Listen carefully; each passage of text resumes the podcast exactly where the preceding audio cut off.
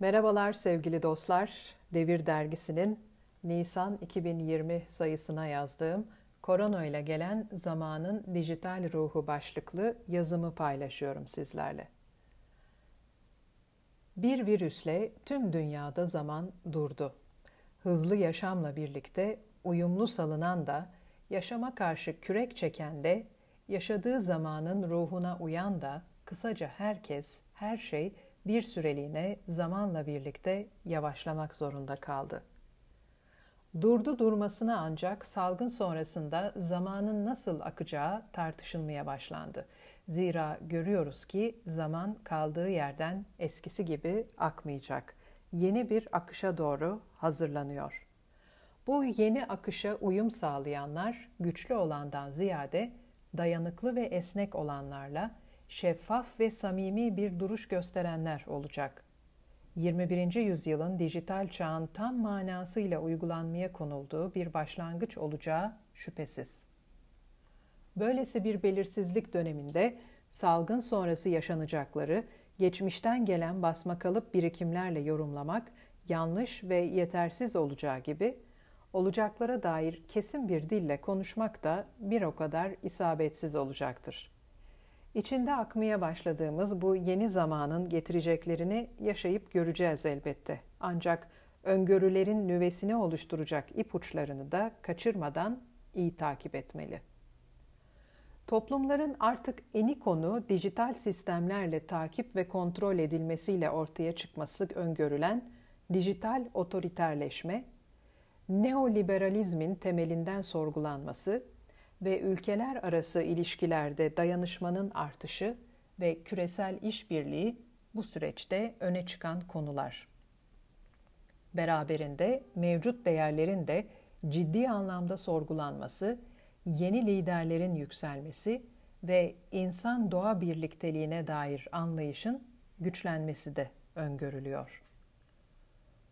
Koronavirüs salgını 2. Dünya Savaşı'ndan bu yana toplumlara ilk kez böyle radikal bir şekilde iş gücünün, emeğin yeniden düzenlenmesini dayatmakla birlikte şirketleri ve hükümetleri hızla liyakate dayalı kadrolara ve bu kadroların acilen ihtiyaç duyulan yeni faaliyetlere yönlendirilmesine dair seferber etmeye başladı.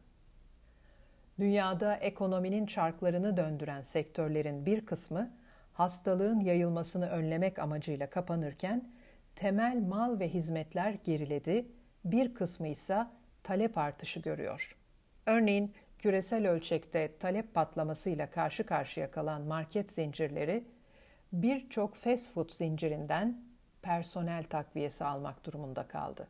Sanal market ve internet alışverişi uygulamalarındaki artış çok daha geniş bir banda yayıldı. Paylaşım ekonomisi bu süreç içerisinde özellikle fiziksel mesafeden daha fazla etkilenenler arasında yer aldı. Ortak paylaşımlı ofis kullanımları, Airbnb tarzı uygulamalar, araç paylaşım sistemleri, ortak alanlarda sosyalleşme sunan konut projeleri gibi paylaşım odaklı yaklaşımlar bu süreçte kan kaybedenler arasında.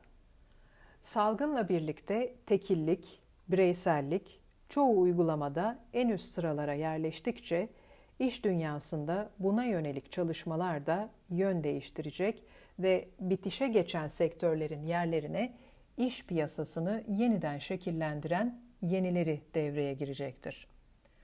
Tabi salgın boyunca kurumların ve markaların bu süreçteki yaklaşımları ve duruşları da itibarlarını arttırma veya eksiltme yönünde müşterilerinden karşılık bulacaktır. Zira bu anlamda tüketicinin tercihini belirleyecek olan süreçle eş zamanlı refleks göstererek dayanışmayı ve aynı zamanda insan odaklı yaklaşımı benimseyen kurum ve markalar olacak. Yani bir nevi virtue signaling'den uzak, ahlaki elevasyonla ayrışan sahicilik ekseninde bir duruş gösteren markalar, kurumlar tüketici nazarında tercih edilir olacak.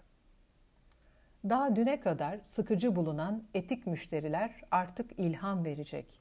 Bu duruş itibarla direkt ilintili ve doğru orantılı. Yani İtibarı da perçinleyen bir tutum elbette. Müşterilerin bir markada bakacağı ilk şey artık bu olacak.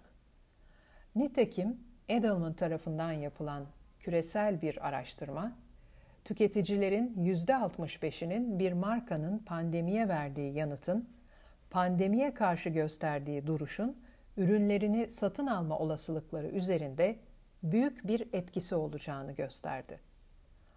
Hangi kurum, hangi marka bu salgının nihayetlenmesi ve çözümlenmesi için destek verdi? Hangisi çalışanlarına yönelik insan odaklı bir yaklaşım gösterdi? Soru bu. Cevabı ise markaların, kurumların itibarını ya bir üst seviyeye taşıyacak ya da daha alt seviyeye indirecek. Yaklaşıma göre kurumların belirlenecek bu durum yani.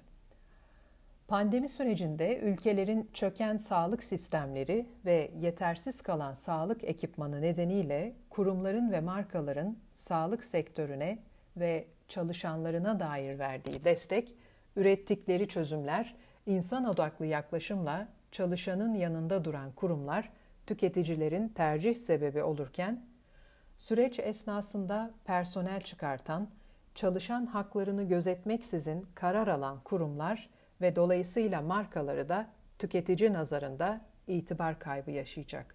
Bu çok açık.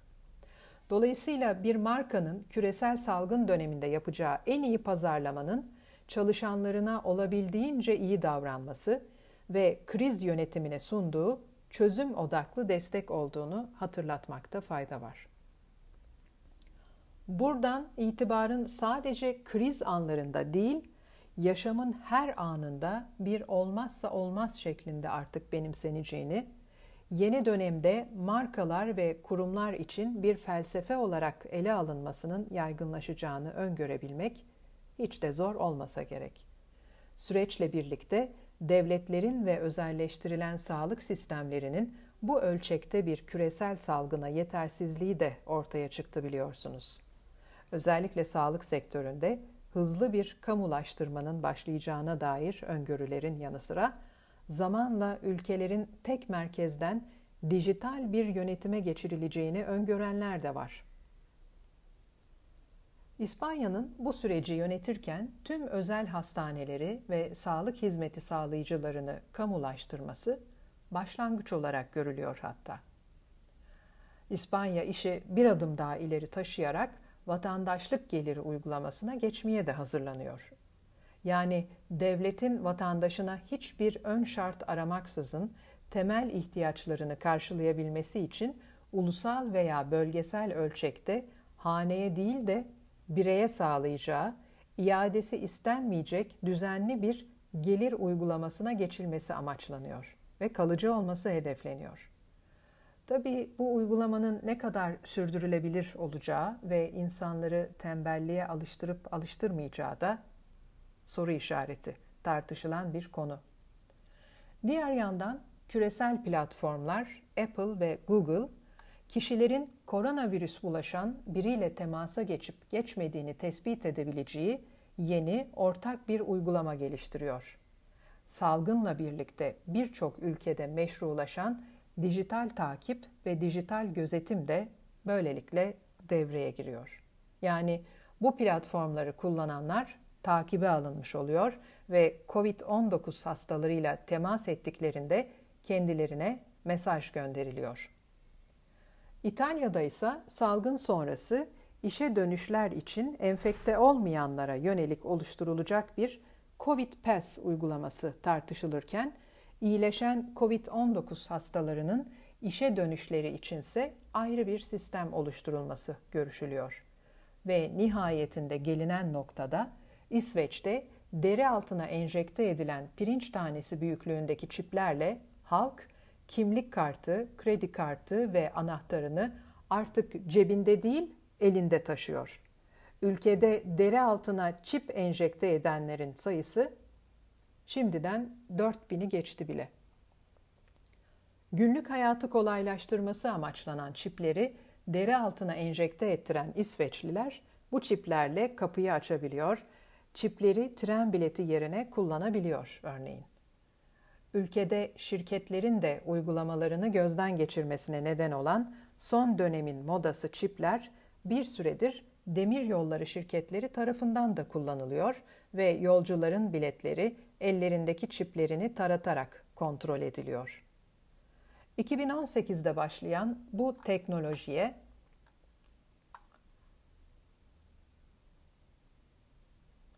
Evet, 2018'de başlayan bu teknolojiye ilgi giderek artıyor ve sağlık amaçlı kullanabileceği de belirtiliyor.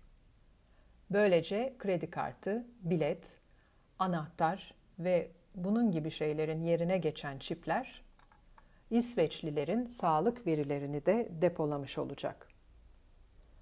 Asıl soru şu ki bu verilerin sahibi kim olacak? Kişisel verilerin nasıl kullanılacağının son derece önemli olduğu bu dönemde çiplerde toplanan verilerin sahibinin kim olacağı merak konusu. Zira bu çiplerle bireylerin hareket profilinin çıkarılabileceğini vurgulayan uzmanlar, kişilerin denek gibi kullanılabileceği riskinin bulunduğuna dikkat çekiyor. Koronavirüs salgını süreç olarak bakıldığında terminolojiye yeni yeni kavramlar, sözcükler de dahil ediyor. Kişisel özgürlüklerin ve anayasal hakların belli ölçüde kısıtlanabileceğine işaret eden biyopolitika bunlardan biri ve süreci dünyada biyopolitikanın gelişi olarak yorumlayan uzmanlar var. Yanı sıra demokraside uyuyanların faşizme uyanacağını söyleyip bütün gücün bilime geçeceğini, bilimin siyasetin yerini alacağını, çözüme dair cevapların artık sadece teknolojik olacağını ve bunu da biyofaşizm olarak tabir eden uzmanlar da bulunuyor.